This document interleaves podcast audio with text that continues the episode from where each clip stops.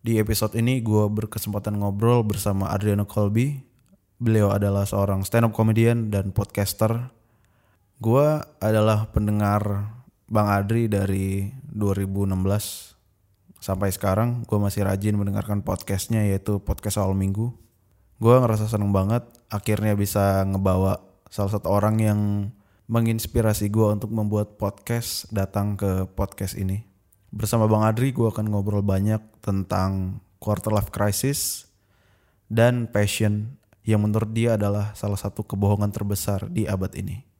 Untuk kalian yang ingin support Froynion Podcast bisa follow di Spotify dan TikTok kita di @froynion podcast. Terima kasih. Podcast.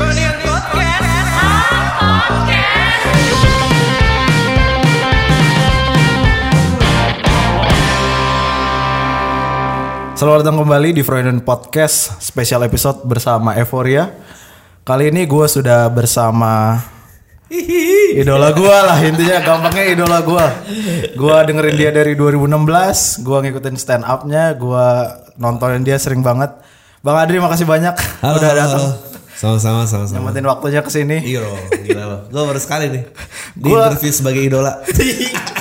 Gue starstruck bang beneran ya bener loh. Iya gue emang pendengar lo dari 2016 Tapi gue gak pernah ngirim Gue email gua sangat tidak menyangka gue uh, appealing buat demografis umur lo sebetulnya. Oh, sebelum lanjut lebih jauh lagi, gue pengen lu sih memperkenalkan diri lu sama penonton-penonton di podcast gue ini. ya. Eh, halo, gue Adriano Kalbi. Gue seorang komedian ya, yang pasti first and foremostnya komedian. Komedian. First and foremostnya komedian, tapi seorang apa ya boleh dibilang eh, entrepreneur juga, boleh dibilang aktor juga, boleh dibilang penulis juga, ya apa apa aja lah yang bisa dikerjain gitu. Tapi eh, first and foremost gue seorang komedian. Lu dari segitu banyak profesi lu yang jalanin, tadi nggak ada yang lu sebutin tuh podcaster. Nggak ada tuh lo mention gue punya podcast awal minggu. Nggak- Kenapa? Emang nggak membanggakan apa gimana? gue gue seorang podcaster juga gue lupa soalnya. Soalnya podcast tuh ini eh, alat pelengkap gue sebagai komedian lah gitu. Itu itu sarana gue untuk berlatih joke gitu di mana gue eh, ya harus misalnya berani explore topik lah, ngerangkai joke dan segala macem itu di podcast gitu. Tapi eh, itu bukan sesuatu ya intinya gue komedian lah. Jadi apa pun yang gue bentuk eh, kalau penulis pun penulis komedi, sebagai aktor pun komedi komedi lah basicnya gitu. Oke. Eh, tapi kalau misalnya kita mundur lagi ke awal dari kecil itu lo emang udah ada minat ke komedi kah atau gimana? Gua tuh orang yang pada umumnya sebetulnya maksudnya 80% orang hidupnya seperti ini gitu bahwa ya gue sekolah SMA SMA terus kebetulan kuliah di luar negeri kuliah eh, jurusannya periklanan dan pemasaran marketing and advertising Eh, balik tahun 2005 eh, mulai kerja di agensi eh, awalnya sebagai AE habis itu menjadi copywriter Eh, tapi di tahun 2011 gue mulai mencoba stand up gitu. Kalau ditanya ada nggak tendensi dari kecil kelihatan komedi dan segala macam? Enggak, gue tuh di keluarga besar sebetulnya gue orangnya pendiam gitu. Nah, semua keluarga gue juga, bapak ibu gue sendiri juga kayak, hah, emang kamu lucu ya ngomong aja, ngomong aja jarang gitu. gue orang yang di belakang yang merhatiin orang aja. gue nggak pernah menjadi pembuat onar. Gue nggak pernah, nggak pernah deh. gue SMA boleh tanya lah teman-teman gue SMA. eh, kalau istilahnya kalau luar negeri itu istilahnya wallflower gue. Wallflower tuh lu tau kan yang nggak cukup cakep buat jadi populer tapi nggak cukup jelek buat dibully. Jadi dia Oke. cuma datang ke sekolah dan pulang aja gitu. Iya, dia iya. tidak ada geng, tidak ada pengikut. Ya. Eh, main basket juga cadangan sampai kelas 3 Iya. pokoknya nggak ada nggak ada indikasi berhasil. Be- beda beda sama waktu itu kak kelas gue BCL adik kelas gue Raditya Dika. Ka- kalau BCL dari SMA emang udah nyanyi dan suaranya emang bagus. Kalau Radit eh, menurut gue dia pas ya karena mungkin eh, ya dia kayak banyak kisah bulinya dan bulinya waktu itu di Bisa jadi materi ya. bisa jadi materi dan di blog. eh, gue dulu sangat tidak melek teknologi karena kuliah juga nggak punya email hal seperti itu lah. gua. Oke. Eh, sangat average sebetulnya. Kenapa mencoba komedi? Karena setelah menang banyak pencapaian. Iya, boleh gua- lihat- Lo boleh lihat pencapaian gue di Google. Eh, tahun eh, ya waktu itu waktu itu kuliah eh, aimingnya memang gue pengen menjadi yang the best. Yang ini eh, The best di posisi apa? sebagai kreatif, sebagai Oke. pekerja kreatif di di advertising, eh, pengen cari recognition itu gitu. Eh, terus setelah didapat, kok tidak seperti apa yang gue bayangkan ya gitu. Abis itu mulai bertanya lah, gue pengen tahu ya kalau menulis, kalau lo kerja di advertising kan lo menulis based on job request gitu. Jadi lo nggak pernah menulis dengan concern lo sendiri. Terus gue pikir, kayaknya gue pengen coba deh nulis dengan concern sendiri. Ya, apa ya, mulai dari mana ya? Jadi and then gue selalu pulang tuh ngelewatin kayak kok ada panggung open mic nih gue tuh selalu kayak anjing one day gue harus coba one day harus coba one day harus coba. And then 2011 gue masih ingat 14 September 2011 gue nyoba open mic pertama. Dan gue nggak sadar bahwa oh ternyata dari Juni udah ada komunitas tumbuh, udah ada ajang pencarian bakat. Gue nggak kenal semua orang itu, gue cuma orang yang datang bawa skrip and then nyoba Pecah waktu itu. pecah Oh, iya. pecah. Eh, untungnya yang pertama pecah. Kalau yang pertama nggak pecah mungkin gue udah berhenti. Tapi yang pertama pecah yang kedua nggak pecah.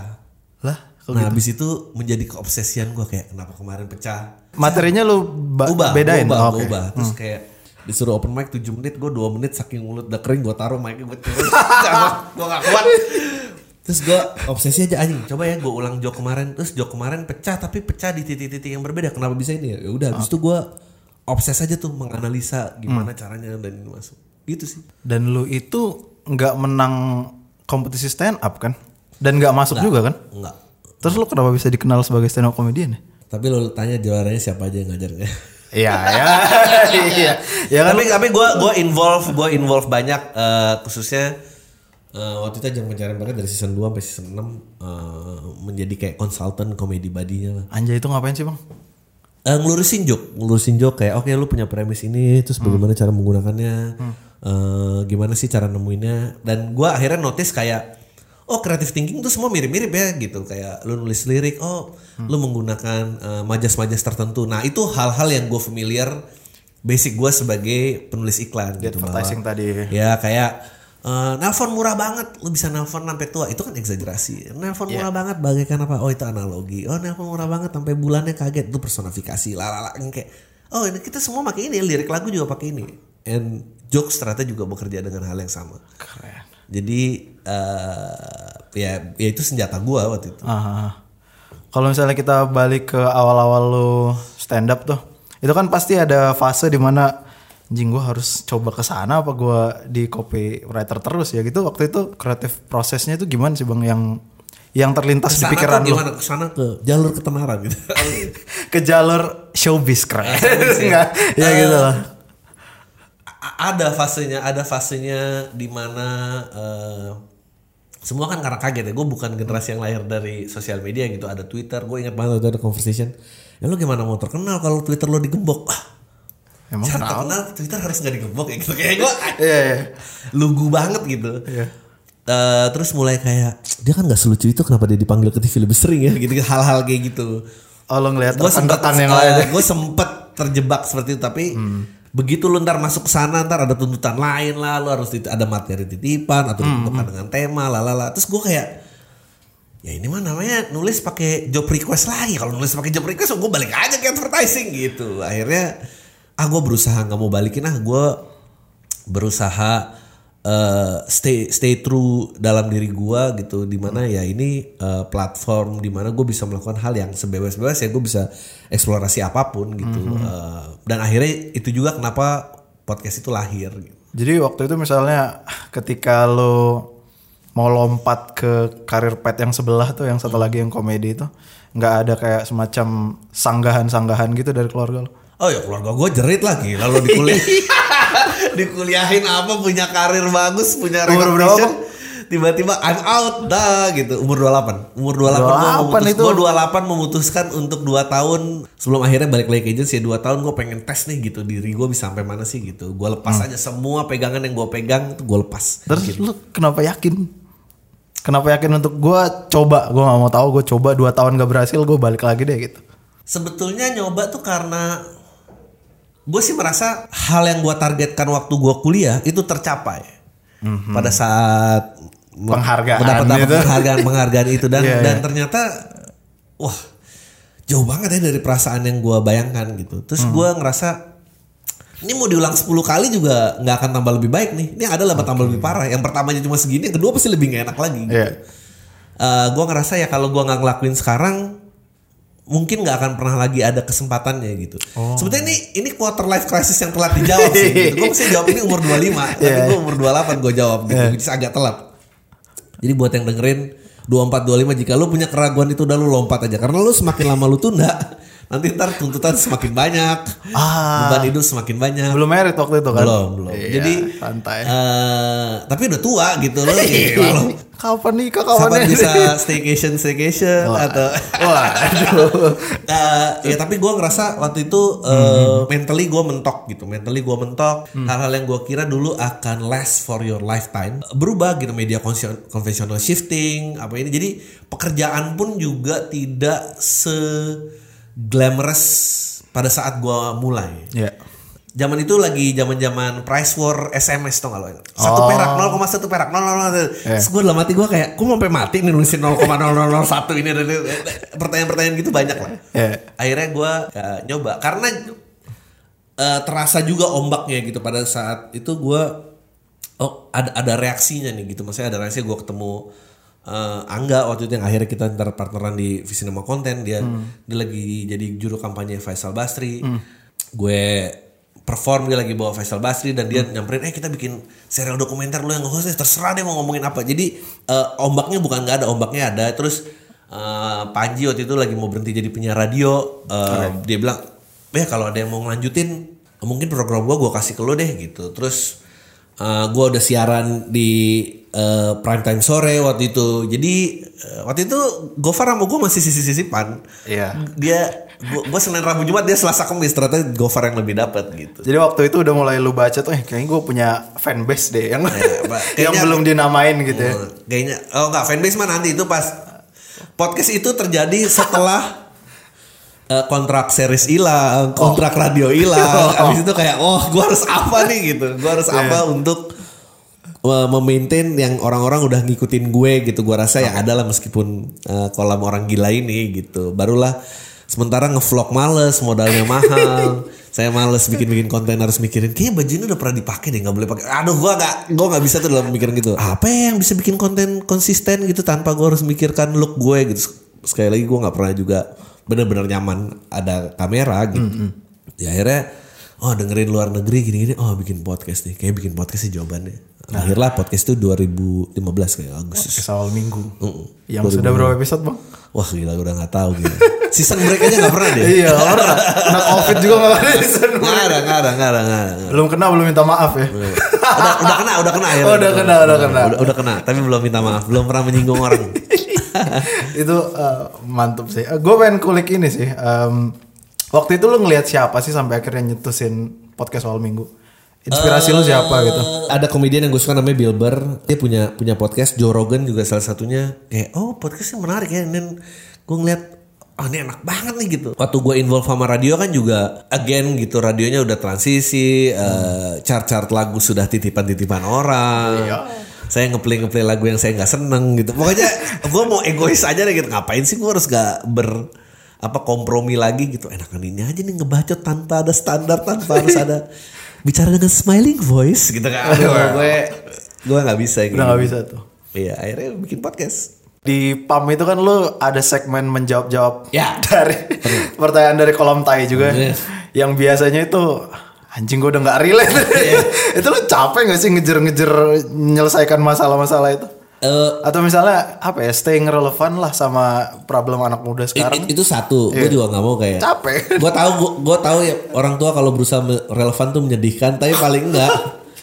kan gue nggak mungkin dong kayak 98 lu kita tidak bisa udah ya Allah udah lama banget udah iya. lama banget. bukan nggak penting tapi udah lama akhirnya eh gue pengen punya intimacy itu. Gue pengen punya intimacy itu eh, orang-orang ngerasa belong eh, dan mereka bebas ngatain gue gue bebas ngatain mereka.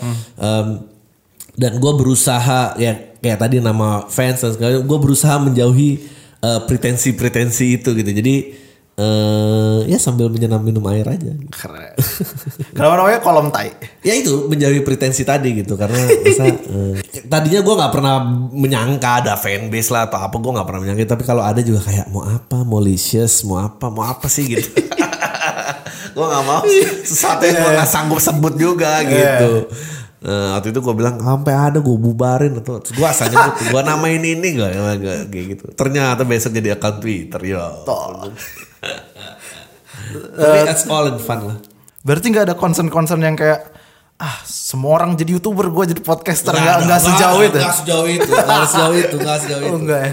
Gue cuma nggak pengen kalau diwawancara tuh tentang iya saya selalu mendengar kata panggilan hati saya.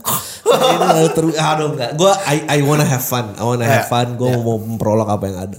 Dan itu pun lu apa ya? Gue kan pendengar lu dari kapan tahu tuh ya. Selalu yang gue dapat dari podcast lu tuh unpopular opinion lah. ibaratnya. Oke. Jadi kayak misalnya opini publik tuh lagi apa, lu nyari yang lainnya gitu. Lu nggak takut ngelempar-ngelempar sesuatu yang sangat mentah kayak gitu.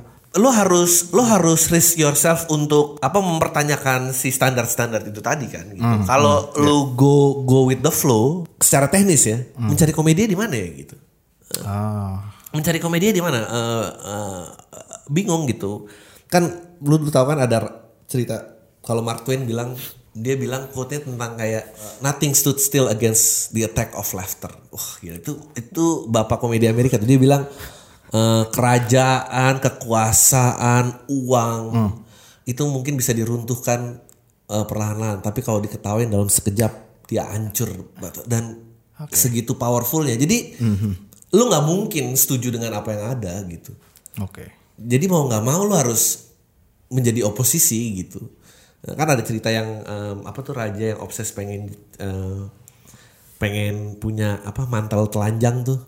Sampai semua eh, semua pengrajin tuh nggak bisa bikin mantel yang bikin lu nggak kelihatan invisible cloak dia Ya. nggak- nggak bisa nggak bisa sampai ada penjahit bilang kayak nggak gue bisa gue bikinin akhirnya dibikin raja telanjang dan dia naik podium dan itu diketahui semua orang dan dan menurut gue itu jenius gitu Iya, iya. I think that's the that's the beauty of comedy buat gue Ya. Maksudnya gue nanya itu tuh lebih ke ini sih tadi eh, lanjutannya ke arah konsekuensi. Sekarang ya berkomedi tuh berat kayaknya kalau nggak menyinggung ya. Lu yang gue lihat belum nih. tapi ini era Masih itu- aman ini nih. tuh era paling menarik untuk berkomedi menurut gue Kenapa? Ya kalau nanti kita udah sampai pemahamannya dan semua udah tahu konteksnya ini komedi, tantangannya di mana? Menurut gua ini tuh momen di mana kayak wah lu lagi kayak hampir udah kayak underground gitu. Dan dan lu seru akhirnya punya sesuatu yang eh, less pretentious gitu daripada yang a- ada di media-media lain gitu. Dan dan it- itu healthy gitu. Itu itu put the balance di society gitu. Lu kan emang belum pernah menyinggung ya. Em, kalau Nggak, gini, lu gua- mau ngambil jalan itu gua boleh. udah menyinggung orang tapi gue selalu eh, jadi orang yang tidak dikenal. Jadi gue bikin podcast sama Panji Panji yang dimarahin. Padahal gue yang run podcastnya gitu.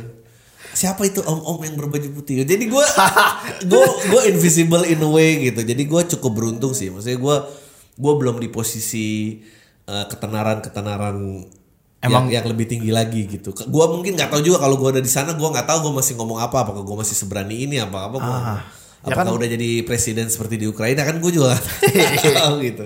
Maksudnya kalau lu makin luas audiens lu kan bisa makin tumpul materi lu kan. Nah, not necessarily. Enggak juga ya? Oh, Oh ya? Enggak juga. Nggak, There, there always be a way. Gue percaya ad- ada beberapa eh, seniman yang menurut gue uh, keidealismenya dan dan market keluasannya dia dapat dua-duanya. Balance. Balance gitu menurut gue. Ceylon Seven dapat itu gitu. Dewa 19 dapat itu. Kalau komedian lokal sih. Gue rasa Panji dapat itu.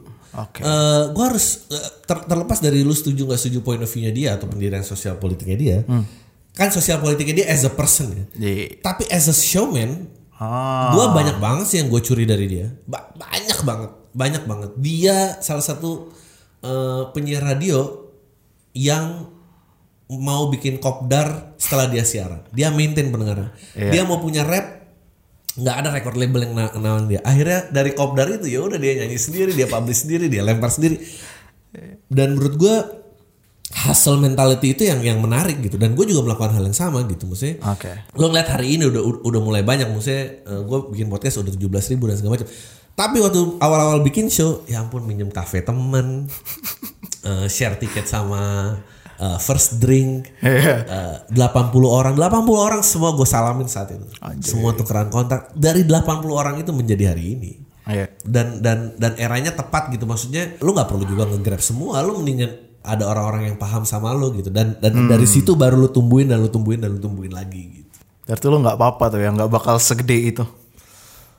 Nggak gini jawabannya Nah. adalah Sambil ngerokok kali. soalnya soalnya kalau gua mati hari ini Ah, gua nggak rela sebetulnya cuma segini. So therefore gue juga masih memperlebar itu. oke. Gue mau karena gue percaya banget nggak ada seni yang nggak mau dirayakan. Semua seni gitu. Semua seni mau dirayakan. Tidak ada gitu. eh, kalau lo nggak mau dirayain itu mah namanya cuma mencari kenikmatan sendiri aja gitu. Pembuat onar juga kayak gitu. Maksudnya, jadi eh, dia akan menjadi eh, komersialisme dan dan idealisme dia akan jadi dua garis yang terus berkelindan gitu. Eh, permasalahannya gimana cara menanginnya? Apakah menangin komersialisme dengan meninggalkan idealism gitu atau idealism tanpa komersialisme mungkin juga nggak jalan? Ya kalau if I get it gue mau dua-duanya. Oke. tapi udah, udah pasti gue nggak mungkin kayak berusaha Menurunkan. relevan eh, berusaha relevan meninggalkan gue siapa demi apa lagi pula juga gue nggak kebayang sih gitu harus apa gitu misalnya gue ya bikin so apa ya? Bikin masalah. oh, udah, udah. Bikin sensasi bang. Apa yang bisa lo bilang sensasi lebih cepat Oh, daripada prestasi. prestasi Betul, kan. betul. Bener, ya bener. Ya, itu kan maksudnya gue lo tahu tuh aturan mainnya akan harus seperti apa di industri showbiz ini. Then again kalau gue bikin sensasi gue cuma pengen sensasinya lucu nggak gitu doang sih kalau nggak lucu gue nggak menarik buat gue ya Kan- kan- kan nggak ada yang menarik dari kalau buat gue nggak ada yang menarik kalau nggak lucu gitu karena kalau dalam mah gampang Oke. dalam to say things yang dalam nih saya gue ngomongin Ayo dong, ayo. keluarin dong yang di yang di pam itu keluarin lo, semua. lo, lo ngomong misalnya gini it's not knowledge that you're lacking it's courage uh, Courage. Ya, gampang. keberanian bikin ya. lucu dari kalimat itu susah men setengah mati kalau motivasional mah gampang tapi itu Oke. benar bahwa kadang tuh kita nggak berani misalnya nge-explore sesuatu karena oh kita kurang ini kurang tahu pengetahuan ini enggak lu kurang courage aja dan it's on you kalau kurang berani nggak ya lo Introspeksi. kalau, eh, kalau kurang knowledge kan lo bisa nyalain orang tua lo dulu gue nggak didukung gue di, difasilitasin A dan B dan Iya. C dan segala macam Iya. itu eksternal semuanya tapi kalau courage itu lo kan dan courage mestinya semua orang punya gitu terlepas sosial economic background lo gitu Contoh kasus lu yang ma- permasalahannya sebenarnya courage apa bang? Gue dulu mungkin nggak berani untuk nggak kuliah. Eh mestinya mungkin gue nggak perlu menunggu sampai umur 28 untuk mencoba apa yang gue mau. Oh itu udah udah ada Iya, Terlewat- ya. Advertising waktu itu jalur tengah di mana kayak ya oke lah gue berkesenian dan masih bisa kantoran. Ah, Oke. Itu, itu kan courage juga. Hmm. Itu kan gue knowledge gue bilang kayak enggak lo harus punya safety. Safety net. Eh, Padahal mungkin kalau gue explore dari awal ya mungkin gue bisa jadi hal yang lain bisa juga gitu. We will never know. I guess Iya, iya. I never know gitu. Mungkin juga stand up mengajarkan gue untuk untuk tidak pasti on daily basis dan itu membantu gue banget. Maksudnya mencoba joke tuh kan nggak pernah pasti dan nggak ada rumusan yang pasti Iya. ya, gimana works in a certain uh, ini. Ya akhirnya itu juga mendorong gue membuka uh, hal-hal yang akhirnya tadi masuk misalnya jadi being an entrepreneur. Gue nggak pernah kebayang being an entrepreneur before, nggak pernah. And then serendipity bikin gue ketemu sama orang-orang yang gue nggak nggak tahu apa yang harus gue kerjain gitu maksudnya. Oke. Dan itu gue embrace aja gitu. Eh, eh, akhirnya lo ada di mode di mana kayak uncertainty itu it's all what you have gitu. Itu, itu semua yang lo gampang kan kalau dalam kan. Uncertainty. Jadi lo harus bisa berteman dengan uncertainty karena apa? Karena yang pasti dari dunia ini adalah uncertainty gitu. Asik ya. Berat, berat banget gue. Dan, dan, dan, dan itu yang bikin orang stuck menurut gue. Karena nggak berani menghadapi uncertainty. Iyalah. Oke. Dunia ber- dunia berubah dengan secep- cep- secepat ini gitu. Gua ngelihat hari ini, ini nggak ada dulu profesi-profesi kayak gini. Dan lo harus adapt gitu dan Hmm. dulu lo 10 tahun generation gap, sekarang lima tahun aja kayak anjir gue udah gak ngerti bahasanya. Iya. Ha- Hal-hal kayak gitu Iya, dan iya. dan dan gua rasa having the courage to be stupid all the time tuh Mahal. senjata yang luar biasa gitu. Itu sih mungkin ya kalau ada hikmah dari stand up. Mentality yang berani itu dapat dari mana sih bang? Harus merantau dulu ke luar negeri. Wah. Enggak, justru menurut gua gue live in a bubble quite some time karena gue lahir dan besar di Jakarta Selatan, SMA di Sentral Jakarta Selatan, Eh gue kuliah di luar negeri. Gue kalau nggak ketemu stand up, gue adalah anak jaksel yang ngomong witches itu. Keren. karena karena gue cuma ngeliat hidup Jakarta Selatan dan ke atas. ah. Tapi gue selalu ngerasa paling susah begitu gue break bubble-nya baru eh, banyak lah ya hidupnya ini. Gue hidup gue tuh beruntung banget loh. Hidup gue ini gue ada loh orang-orang ketemu yang orang tuanya peternak kuda yang orangnya jatuh bapaknya ngejar kudanya nggak ngejar anaknya. Ada loh orang-orang itu gitu. Lu nggak pernah ngalamin gitu. Iya. gue ketemu loh sama orang-orang. Gue uh, ada podcast Happy Broken Family. Ada loh ketemu orang yang bayi dijual 2 juta. Maksudnya Anjing. wow that's that's something else man. Gitu. iya, iya. and, and then terus kita ngomong kayak oh pursue your dream pursue your passion. Nggak ada. Lu punya passion itu luxury buat lu tau nggak? Semua orang belum tentu semua orang dalam survival mode. Dan itu membuat gue kayak anjir untung gue nggak kejebak di sini ya gitu kalau gue kejebak di sini anjir hidup gue cuma jadi masalah ke depan Situ-situ aja ya. karena lu harus lebih kaya dari titik lu di awal ternyata anjir lu ternyata udah di titik yang sangat tinggi ya gitu dan lu nggak pernah mikirin itu Makanya orang tuh punya harapan lebih tinggi sama anaknya ya. iya Ya, tapi ya, nggak ya. tapi Ngerti, anak nggak pernah tahu sebetulnya dari mana ini semua berasal Baggage-nya. ya itu. lu ngerasa bahwa hidup lu susah doang ya. Ya lu ngeliat dari titik lu ke atas terang aja hidup lu susah. Tapi kalau lu lihat lu generasi lu dua generasi sebelumnya apa perjuangan lu pertama kali nyampe di ibu kota orang tua lu? Ah, jauh gitu. Nenek gua tuh masih buta huruf. Bapak gua cuma lulusan SMA terus gua mau ngomongin tentang kejar passion. Ya lu yang tolol sih menurut gua. Menurut gua lu yang tolol. Senjata lu cuma courage lu dan akhirnya bilang ke mereka bahwa eh gue tuh baik-baik aja loh. Lu apa yang udah gue capek dan gue baik-baik aja. It's okay lu nggak perlu khawatirin namanya. Mereka datang dari zaman yang berbeda gitu terus lu berharap gitu, mereka paham gitu nggak bisa Tapi eh, yang sering gue denger di podcast lu itu juga lu bilang kalau jangan ngejar passion ya. ya Emang lu memang encourage itu ya buat para kolam tai. nggak karena gini menurut gue passion itu adalah eh, kebohongan terbesar abad 21 ini Bold statement tuh. Eh, karena gini, happiness, passion, maksudnya lu mengejar sesuatu katanya biar lu bahagia gitu. It, it- itu bukan cuma produk ide, itu produk produk setelah lu bekerja. Dan dan kebanyakan karena sumber informasi kalian udah nggak terbatas, perbendaharaan kata makin maju, Iya. lu mulai tahu kondisi orang, oh, ini depression harus dihindari, lalala dan segala macam. Knowledge lu besar banget, tapi knowl- dengan knowledge yang besar, keberanian lu akan semakin berkurang dan lu dan lu akan kayak lu udah mulai resisten misalnya ada opportunity keluar di depan mata lu Iya. lu akan resisten kayak tapi kan ini bukan passion gua gua nggak pernah mau ngerjain ini. Padahal lu nggak pernah tahu kalau lu kerjain ini ini akan ngelit lu ke mana. Maksud gua jangan obsessed with long life dream. Karena it will take a lifetime to achieve it. Dan pada saat lu achieve it belum tentu sehappy apa yang lu pikirin. Orang banyak banget melewatkan kesempatan karena nggak sesuai dengan passionnya mereka. Dan menurut gua it, it- itu itu salah. Karena passion lu juga cuma ideation di kepala lu. Lu sampai misalnya gini, semua kayak, oh gue pengen jadi musisi. Iya enggak, lu pengen ad- jadi bintang. Lu tahu gak sih kerjaan musisi itu apa sebetulnya? Kerjaan musisi banyak. Ada yang jadi scoring, ada yang jadi backing vokal artis terkenal. M- Mungkin nggak menaruh di depan panggung. Itu itu pekerjaannya. Dan orang nggak mau kerjanya, orang mau glamour. Jadi eh, passion tuh jadi kayak kabur gitu antara passion sama sama uh, glorifikasi dan dan dan itu jelek gitu menurut gue karena sosial media semua orang pengennya jadi bintang atau nggak posisi penting gue kameramen gue director gini siapa yang mau mikirin jadi soundman nggak ada kenapa karena nggak jadi bintang Karena belakang layar. Iya karena di belakang layar karena kalau ditanya, ah itu mah bukan passion saya. Siapa emang orang, lu, lu tanya orang soundman lu, emang passion bapak dengerin sound? Gak ada men. Gak ada orang passion dengerin sound. Tapi lu tanya, berapa banyak yang orang bisa lu hidupin gara-gara ini? Udah nyampe mana titik lu? Udah ber- pekerjaan ini menemukan lu dengan siapa aja? Banyak pasti jawabannya. Karena apa? Karena dia sambut kesempatan itu. Berarti untuk me- apa ya, menyimpulkan yang lu Hmm. sampaikan barusan tuh yang lebih mudah tuh kalau bisa menyambut apa pun yang ada di depan dulu ya. Kesempatan apa pun itu. Oke. Hmm, Lu bisa- Dari di akhir episode ini gue rasa banyak yang anjing gue pengen kayak dia deh.